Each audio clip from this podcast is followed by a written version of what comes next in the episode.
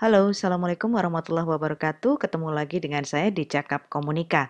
Kalau seorang PR mau mewawancarai makeup artist sudah biasa ya, tapi saya ingin balik nih. Saya ingin menantang Ilham Sahrul, seorang makeup artist untuk mewawancarai saya. Ngobrolin apa aja ya kira-kira kita dengerin ya. Oke.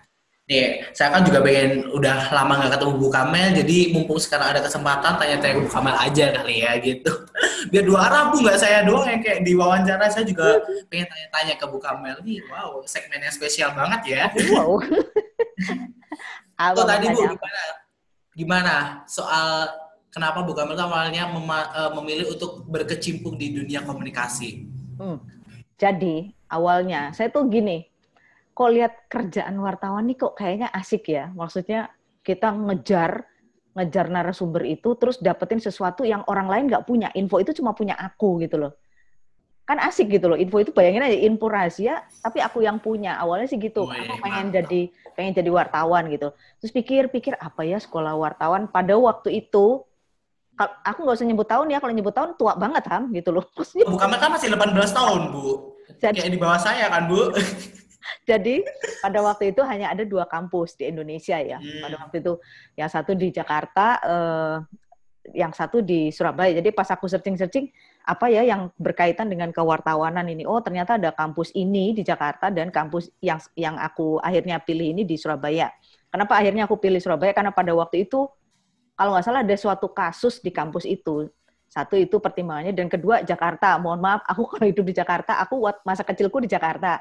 Tapi aku udah nggak mau lagi kalau mau ke Jakarta gitu udah kayaknya enakan di sini aja gitu loh lebih. Makanan juga murah ham di sini soalnya, ngekos murah. Oh betul. Nah, betul semuanya sekali, murah. Betul. Bayangin kalau aku di Jakarta kasihan orang tua aku bangkrut nanti gitu. Akhirnya hmm. aku nyampe lah di Surabaya ini komunikasi. Kalau ketertarikan secara keilmuan sih kayaknya cuman kayaknya asik ya kerjaan itu nyimpen informasi sendiri untuk aku bagi sama orang lain itu aja sih.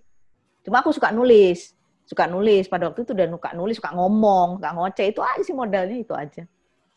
Oh gitu, berarti kayak misalkan di di dalam grup geng ibu-ibu gibah tuh pasti ibu Kamel yang kayak menyimpan dari semua oh, informasi oh, para ibu-ibu gitu. Uh, luar biasa Aku yang mimpin tahu. oh, jadi ketua paguyuban ibu-ibu ya, Bu? aku yang mimpin sebenarnya. kayak gitu, kan ceritanya kan, kayak gitu. Hmm. Gimana? Uh, dari Bu Kamel sampai di step ini menjadi seorang PR di salah satu perusahaan BUMN terkemuka di Surabaya kan pasti ada step-stepnya kan Bu. Nah itu bisa dong Bu diceritakan gimana sih bisa sampai di tahap ini? Ya kalau kita sih dulunya kan aku ngelamar kerja tuh pertama di pertama kali ngerasain kerja ini waktu masih kuliahan itu ya ikut-ikutan dicetak lah jadi wartawan cetak cuma dapat satu berita terus habis itu coba lagi jadi loper koran aku pernah jadi loper koran loh. Itu sampai di oh, iya? uber-uber anjing aku di jalan jemur sari. Aku ingat benar ya Allah. Soalnya ditarget kita ditarget uh, oh. untuk marketingin gitu pada waktu itu. Sekarang korannya udah tutup sih itu. Terus Terus semasa aku kuliah aku sering kayak kita ke RRI itu ada siaran dunia mahasiswa Ham. Jadi kayak kamu nih, kamu sebenarnya bisa tuh ke situ. Jadi kita siaran itu free ke situ, kita latihan ngomong. Kalau lama-lama aku suka gitu ya. Akhirnya eh, menjelang kelulusanku itu aku mulai seriusin cari kerja, dapet deh di RRI itu. Jadi penyiar di program 3. Terus sekitar 10 bulan barangkali ya. 10 bulan aku di situ ada panggilan di BUMN ini gitu. Ya udah, akhirnya aku masuk dan sampai sekarang. Tapi sekarang aku udah nggak jadi PR loh, udah pindah ke budaya, tapi masih bawa-bawa oh, komunikasi iya, iya. ya, masih bawa-bawa iya, komunikasi ya. Mm -mm. Lebih ke komunikasi internal ya bu. Betul, betul, seperti itu gitu. Seru banget gitu loh Bu kayak di bayangan PR tuh kayak wah jadi ujung tombak sebuah perusahaan gitu kan Bu misalkan sebuah perusahaan tuh lagi krisis atau lagi ada isu kan yang ngadepin hmm. yang jadi garda terdepan tuh seorang PR gitu loh Bu. Nah boleh dong Bu ceritakan uh, pengalaman Bu Kamel yang paling berkesan soal misalkan perusahaan Bu Kamel tuh lagi, lagi ada isu terus apa yang Bu Kamel lakukan untuk uh, menanggulangi isu tersebut gitu. Ya kebetulan kan uh, kita ada apa namanya uh, head of communication ya. Jadi di di atasku tuh emang ada bos humas gitulah. Lah si bos inilah yang bertugas untuk menyampaikan kepada publik sebenarnya. Jadi kalau official statement dari aku, dari teman-teman yang lain nggak boleh ham. Kita ada peraturan seperti itu. Jadi yang ngomong kepada publik itu memang uh, head of communication-nya ini gitu loh. Jadi si bos ini lah yang ngomong cuman emang kayak materi dan lain-lain yang nyiapin pelurunya itu ya kita satu tim lah ya, kita semua bekerja seperti itu. Nah, begitu ditembakkan, nah itu bosku yang kerja seperti itu. Kalau pengalaman uh, terkait ngatasi krisis yang paling besar kayaknya sih kalau BUMN uh, agak aman-aman aja sih Ham ya. Kayaknya yang pernah yeah. aku alamin terbesar itu paling pemberitaan negatif terkait rekrutmen seperti itu atau juga uh, waktu itu demo undang-undang pelayaran kalau nggak salah. Itu sampai di depan kantor itu ditutup oleh forklift forkliftnya TKBM itu karena ada kekhawatiran mereka itu ya biasalah kita kan Eh, semua itu kan serba ada kekhawatiran dari sisi mereka ada khawatir. Jangan hmm. dikira kita juga nggak ada khawatirnya, ada. Cuma kan bagaimana mensikapi kekhawatiran itu. Itu nggak lama sih, karena hmm, kebetulan komunikasinya juga bisa terbuka ya. Jadi eh, kami membuka komunikasi dengan teman-teman di pihak eksternal, kita duduk bersama, akhirnya clear. Ya, clearnya itu kenapa? Ya pasti karena masing-masing pihak sudah tahu lah porsinya di mana kan gitu. Posisi dan porsinya seperti apa. Sudah clear, dan kuncinya memang kita harus um, jalin relation yang bagus ya Ham dengan media-media, hmm. terutama kalau boleh aku sebut sih media-media yang uh, mainstream ya. Jadi media-media yang memang ya aku nggak mengecilkan media yang lain, tapi kan kita dari humas kan pasti punya tuh, maksudnya oh aku nih akan megang media ini ini ini gitu loh Ham. Jadi ketika ada masalah atau ada sesuatu yang pengen aku sampaikan, yang pertama aku kontak tuh redakturnya media itu. Yang lain pasti akan ngikutin deh gampang itu yang lain. Jadi media relation tuh kayak emang kayak harus jadi basic skill yang harus dimiliki betul. PR ya bu. Mm-mm, betul betul.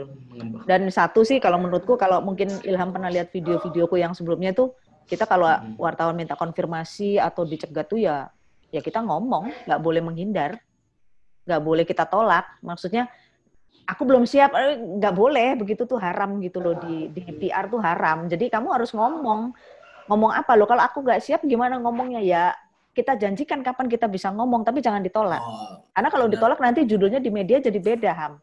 Oh ya kan? Iya bu. Hmm. mengelak koma. Tahu mas ini tidak mau berstatement. Kan jadinya nggak enak gitu loh pasti negatif semua. Atau Betul. Uh, uh, uh, atau apa ya maksudnya muncul suatu sentimen di mana kita tuh kayak memang betul-betul negatif sebenarnya justru kalau kita hindari gitu loh. Tapi kalau kita bilang nanti ya Mas ya gue tak siap no uh, datane tak konfirmasi sih nah nanti kira-kira setengah jam mungkin kita bisa ketemuan atau aku telepon sampean gitu loh. Jadi janjikan itu dengan kepastian jangan PHP aja gitu loh. Karena wartawan tuh pasti belum setengah jam dia udah gimana pak? Bisa telepon sekarang? Atau ini gitu loh. Karena dia juga diburu deadline kan seperti itu. Oh, benar. Tapi ngomong soal berita tuh apakah seorang PR tuh punya kontrol untuk uh, mengendalikan mengendalikan kayak apa aja berita yang dikeluarkan oleh media gitu loh Bu untuk biar gak ada imbas. Misalkan nih uh, media tuh pengen ngeluarin uh, press kok press sih artikel yang kurang enak soal perusahaan itu apakah PR tuh punya wewenang untuk no kamu nggak boleh ngeluarin berita soal itu? Sebenarnya dari kode etik jurnalistik itu ada namanya uh, klarifikasi ya Ham. Jadi dia ada uh, apa namanya cover board story. Jadi kita harus berimbang. Sebenarnya kalau dari sisi wartawan nih, dari wartawan yang benar ya, media yang benar itu harusnya harus konfirmasi kedua belah pihak.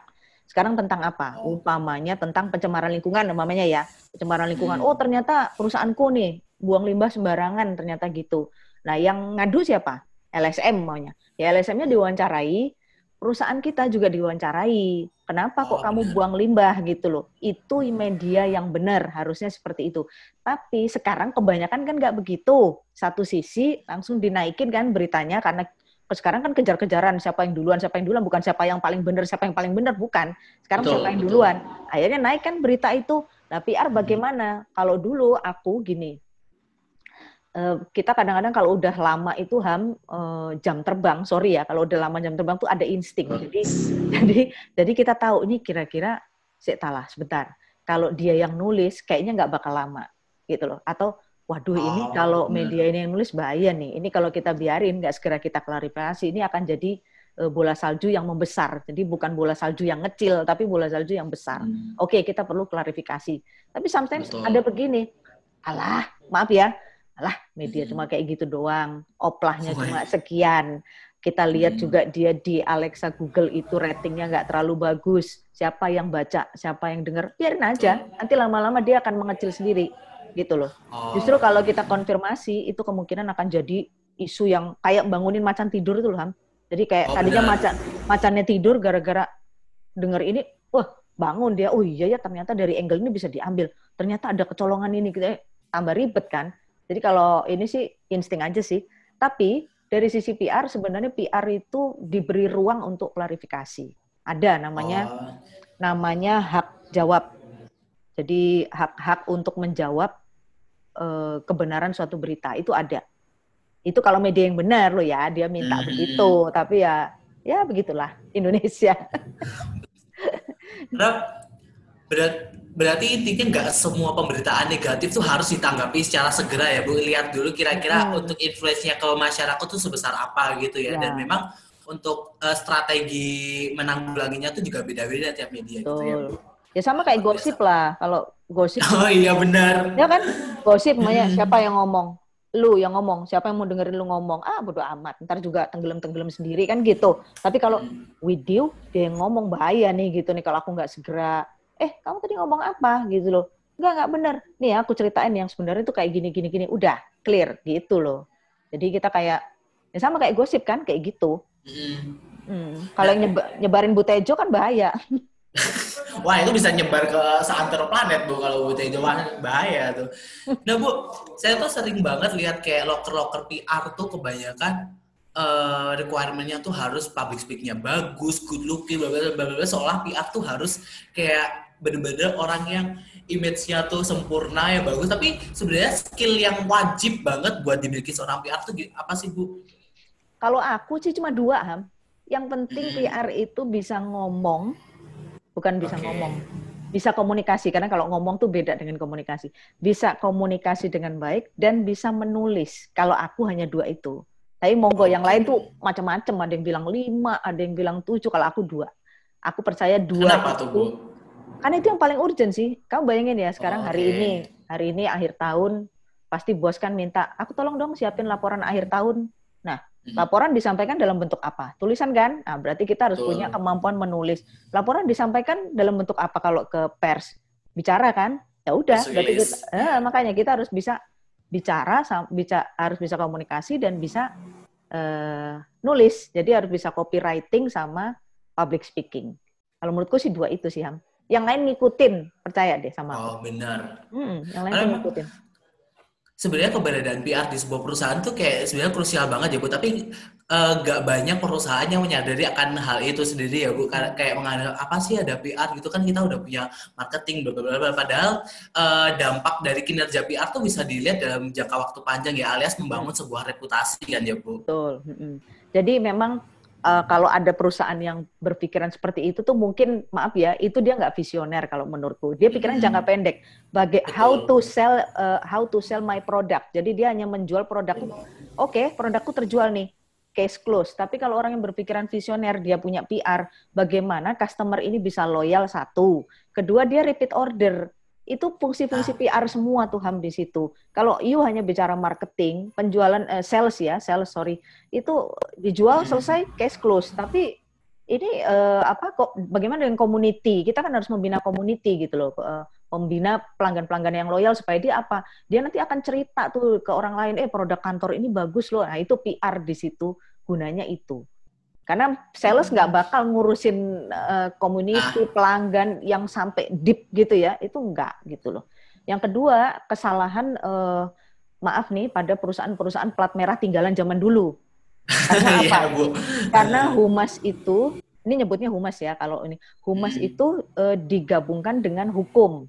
Itu sangat keliru. Jadi di mana-mana tuh kalau perusahaan plat merah itu rata-rata hukum dan humas. Itu keliru. Itu dua bidang yang bertentangan hukum itu dia harus pro kepada perusahaan ya hmm. dia apa kasus-kasus yang berbenturan secara hukum dia harus membela hukum tapi PR PR ini konteksnya dia harus netral sebenarnya sebenarnya Tapi ya jangan oh, lupa betul, lah, betul. kita ini dibayarin oleh perusahaan.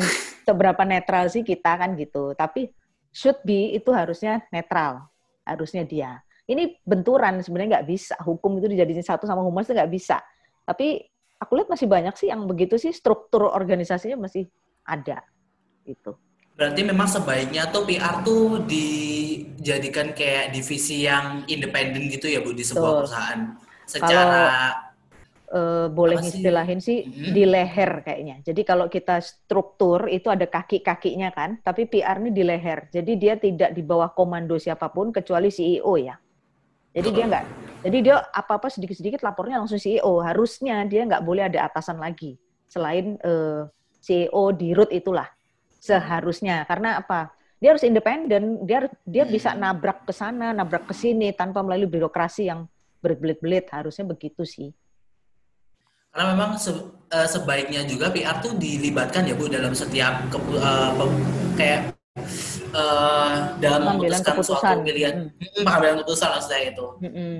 Dan nggak banyak perusahaan yang menempatkan PR dalam posisi tersebut itu karena memang orang-orang tuh mikirnya kayak jangka pendek selling, bayarkan mikir omset berapa padahal dan uh. kalau memang kita punya brand yang bagus punya uh, customer customer experience satu bagus pasti juga orang tuh tanpa dipaksa udah bakal beli produk kita gitu ya bu iya betul karena selama ini biasanya ukurannya perusahaan itu kan uh, benefitnya apa untuk aku gitu loh betul. PR PR kan hmm. ngabis-ngabisin duit ya karena hmm. karena biaya promosi sangat besar sebenarnya kalau uh, agak berpikir cerdas banyak sekali kegiatan PR yang tanpa biaya loh sebenarnya bisa. Orang kita sekarang bisa memanfaatkan influencer.